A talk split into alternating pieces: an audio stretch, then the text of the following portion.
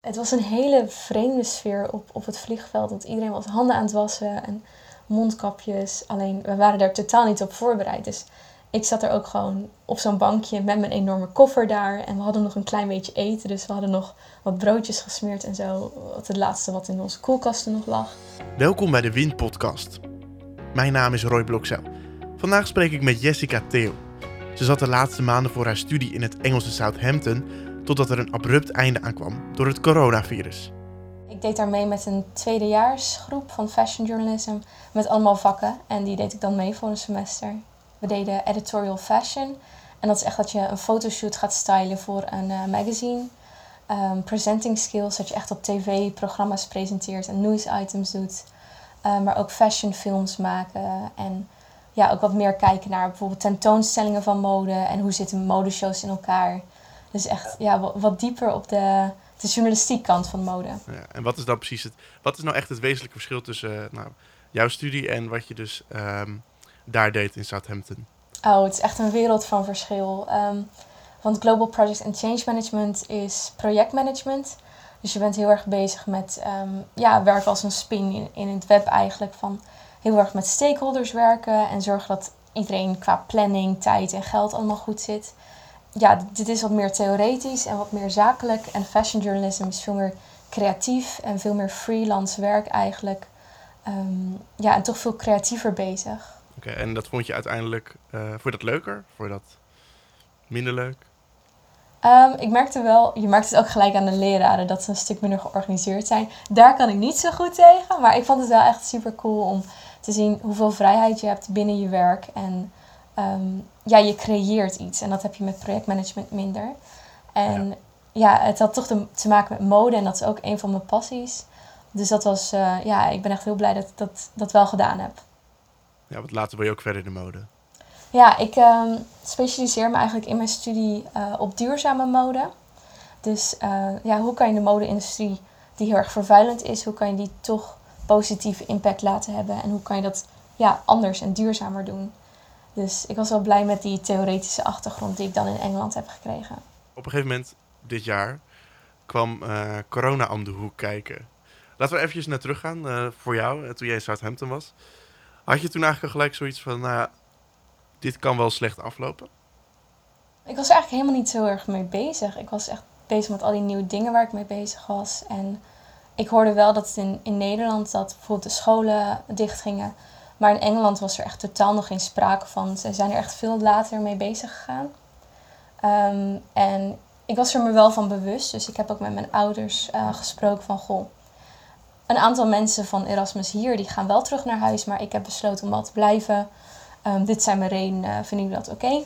Nou, en, ze zeiden van, nou, doe lekker wat je wil. Weet je, dit is, dit is jouw periode. Maar uiteindelijk um, kreeg ik op 15 maart kreeg ik wel een e-mail van Winnesheim dat ze zeiden van uh, important, come back as soon as you can. En ja, dat was wel even spannend. Van, goh, nu moet ik echt heel snel een keuze maken van ga ik toch blijven of ga ik toch terug. Wat, wat stond daar precies in? Um, ja, ze zeiden van, goh, nou, je weet dat de scholen um, dicht gaan. We verwachten dat het in het buitenland ook gaat gebeuren. Um, en we maken natuurlijk je zorgen om je gezondheid. Maar waar wij heel erg bang voor zijn, is een sociale en logistieke ontwrichting. Dat alles gewoon ja, plat gaat en dat het misschien niet meer mogelijk is als je langer wacht om naar huis te komen. En daarom dringen we wel echt aan van kom naar huis. En ja, in eerste principe had ik zoiets van, nou, weet je, in, in Engeland ben ik veilig, um, ik blijf wel. En toen zeiden ze van, nou ja, dat is goed, maar dan moet je een contract ondertekenen dat wij geen zorgplicht meer voor jou hebben. En dat betekent dat um, ze geen plicht meer hebben om mij te helpen als ik in een noodsituatie kom of problemen krijg.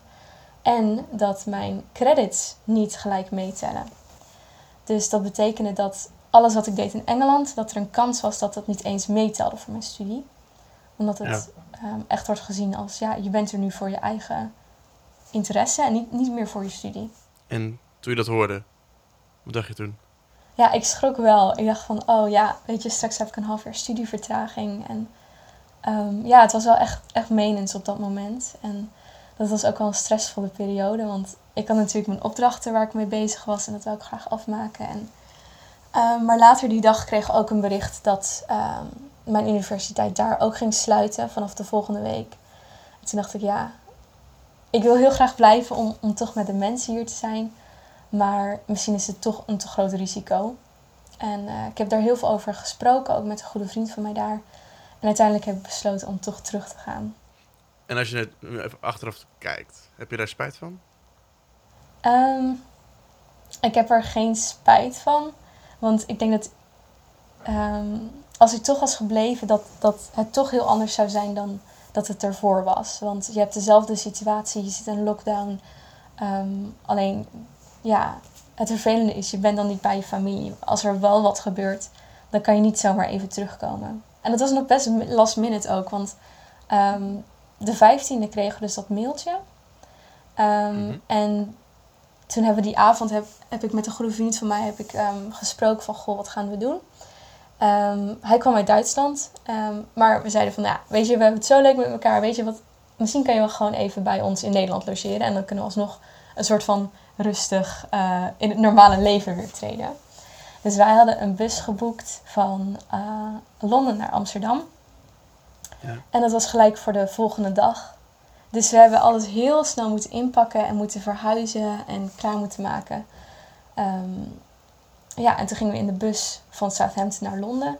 En toen kregen we een berichtje dat de Franse grenzen waren gesloten.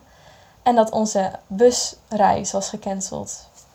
Dus um, toen konden we niet meer terug. Dus dat was echt heel snel gegaan. Wat denk je dan als, als, als je zoiets, zoiets hoort via je telefoon... terwijl je in de bus zit onderweg naar de bus die jou naar huis zou moeten brengen? Echt paniek, want wij dachten van ja, straks zijn we gestrand in Londen. En nou, we hebben gelijk um, contact opgenomen met school, met onze ouders en gekeken van... Um, is het mogelijk om nog een vlucht te boeken? Maar alle vluchten die, uh, die konden we niet halen. Want die waren of te vroeg of die waren al vol. Dus toen dachten we, goh, gestrand in Londen, wat gaan we in hemelsnaam doen? Um, en toen hebben we gekeken voor de volgende dag. En um, toen dachten we, nou, de grootste kans om nog terug te gaan is via Luton Airport. Want die had nog de meeste vluchten van EasyJet. Dus toen hebben we ja, heel random een bus naar, naar het vliegveld geboekt. En uh, toen we daar aankwamen, dachten we: oké, nou, we doen gewoon de eerstvolgende vlucht. Hopen dat hij niet gecanceld wordt. Um, dus toen zijn we de nacht daar gespendeerd. Ik heb niet geslapen. het was wel intens. Um, maar we hebben gelukkig die vlucht kunnen pakken. Even terug nog naar, uh, naar het moment dat je dan op dat vliegveld zit. Want je hebt, je hebt daar overnacht. Hoe, hoe, hoe is dat? Heel onwerkelijk. Ja, je hebt er natuurlijk van die, van die bankjes waar je niet op kan liggen. Um, alles is dicht. En iedereen is bang door corona. Dus iedereen wil heel graag afstand hebben. En ja, het was een hele vreemde sfeer op, op het vliegveld. Want iedereen was handen aan het wassen en mondkapjes. Alleen we waren daar totaal niet op voorbereid. Dus ik zat er ook gewoon op zo'n bankje met mijn enorme koffer daar. En we hadden nog een klein beetje eten. Dus we hadden nog wat broodjes gesmeerd en zo. Wat het laatste wat in onze koelkasten nog lag.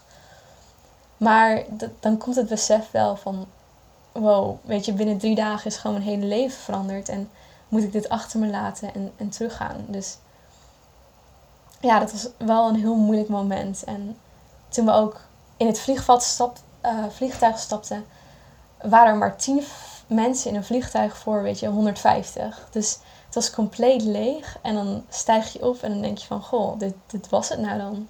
En dat is toch wel een heel emotioneel moment. Ja, wat je er emotioneel van? Ja, ik heb al zitten janken hoor. Ik vond het heel erg moeilijk, ja. Natuurlijk, ik heb hier wel van gedroomd en ik, ik had een hele goede klik met sommige mensen daar. En ik had reizen nog naar Wales en naar Schotland op de planning staan.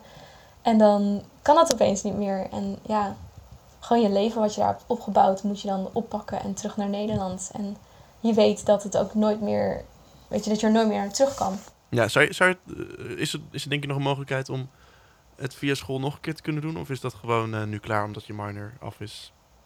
Ja, ik heb het nu in principe, als ik al mijn opdrachten klaar heb, dan heb ik, als het goed is, mijn studiepunten. En dan volgend jaar heb ik nog één semester in Zwolle en dan ga ik mijn stage al doen. Dus hm. ja, op, op die manier ga ik het nooit meer doen, denk ik. Je kan nu niet meer in Southampton zitten. Uh, wat hebben ze bedacht om dat dan alsnog je studiepunten te kunnen laten halen? Nou ja, omdat de school in Engeland natuurlijk ook dicht is, hebben ze alternatieve opdrachten gemaakt die je wel vanuit huis kan doen. Dus bijvoorbeeld dat je geen camera nodig hebt of, of bepaalde equipment. Ehm, dus eigenlijk kan ik alles vanuit Nederland eh, wel gewoon doen. En op die manier kan ik mijn punten halen en gewoon mijn cijfers halen. En als het goed is, wordt dat eh, ook overgemaakt naar, naar Nederland. Maar dat is meer bittere noodzaak, denk ik. Ja, ja. Ja, het waren hele creatieve opdrachten. En dat hebben ze nu allemaal in een soort van essayvorm omgezet. Dus in plaats van dat je iets, iets gaat filmen, moet je helemaal uitleggen wat je artistieke visie is, welke belichting je zou doen, uh, weet je, nou, dat soort dingen. Dus in plaats van dat je het in de praktijk laat zien, is het nu allemaal theoretisch en op papier. En wat vind je daarvan? Nou, ik was eigenlijk best wel um, lucky, want ik had heel veel van het werk van tevoren al gedaan. Dus ik heb um, mijn verhaallijn heb ik iets aangepast en ik heb toch iets van kunnen editen. Dus ik heb wel beeldmateriaal wat ik heb kunnen gebruiken. Dus uiteindelijk heb ik wel gewoon uh, de originele opdracht gedaan. Want dat vond ik veel leuker. ik had ook geen zin om 30 pagina's erover te schrijven. Dus. Ja, want als je er nu op, uh, op terugkijkt, hè, op deze uh, periode, deze coronaperiode. Denk je dat het jou veel veranderd heeft? Um, ja, ik ben, ik ben een stuk dankbaarder, denk ik, geworden voor alle dingen die ik wel heb kunnen doen voor de coronaperiode. En ik zie nu ook wel gewoon um, ja, de, de, de mooiheid in van thuis zitten en aan jezelf kunnen werken. En ik, ik heb nu ook zo'n dagboekje waar ik dan schrijf van hoe ik me voel en waar ik dan wel dankbaar ben, ben voor. Um, en dan zie ik wel ja, dat, dat je nu veel meer op de kleine dingetjes ook let, weet je. Een tripje naar de supermarkt maak ik mezelf helemaal mooi. En daar kan ik gewoon heel erg van genieten om, weet je, een lekker recept te maken. Of toch, weet je, op afstand een wandeling te doen met mensen. En weet je, dat soort kleine dingetjes die eerst heel insignificant leken. Dat zijn nu grote dingen. En ja, dat is denk ik wel een mooie mindset shift.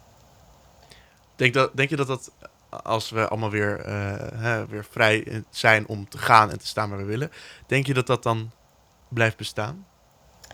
ik denk dat alles in zekere zin wel weer wendt. En ik denk dat het heel makkelijk is om in oude patronen te vallen en toch weer je, leven zoals normaal op te pakken. Maar ik denk wel dat uh, mensen meer bewust zijn van: oké, het, het is dus niet gegeven dat alles goed gaat en volgens plan. Weet je, er kan iets externs gebeuren en, en je hoeft er niet van uit te gaan dat, dat alles maar gewoon werkt. Want je hebt er geen invloed op. En dat is wel iets wat ik denk ik in mijn leven wel meeneem hiervan. Ja. Als je dus nu uh, echt terugkomt op deze periode, zou je het nog een keer willen doen? Ja, zeker. Ja, ik had het echt niet willen missen. Nee. Nee, het was zo gaaf om daar te zijn. En ook al moest ik terug, had ik het niet willen missen. Want er zijn heel veel studenten die zijn bijvoorbeeld helemaal niet op hun exchange semester gegaan, omdat die bijvoorbeeld nog niet begonnen was. Of omdat het toen al speelde en dat hun vliegticket bijvoorbeeld gecanceld is. En wat dat betreft ja, ben ik zo dankbaar dat ik wel de mogelijkheid heb gehad om daar toch nog tijd door te brengen. En ja, ik kijk er gewoon met een heel positief gevoel op terug. En alle mensen die ik daar heb ontmoet. En dat ik toch ook de les heb mee kunnen maken. En ja, ik heb het gevoel dat ik daar heel erg persoonlijk door gegroeid ben. Dus uh, ja, heel positief.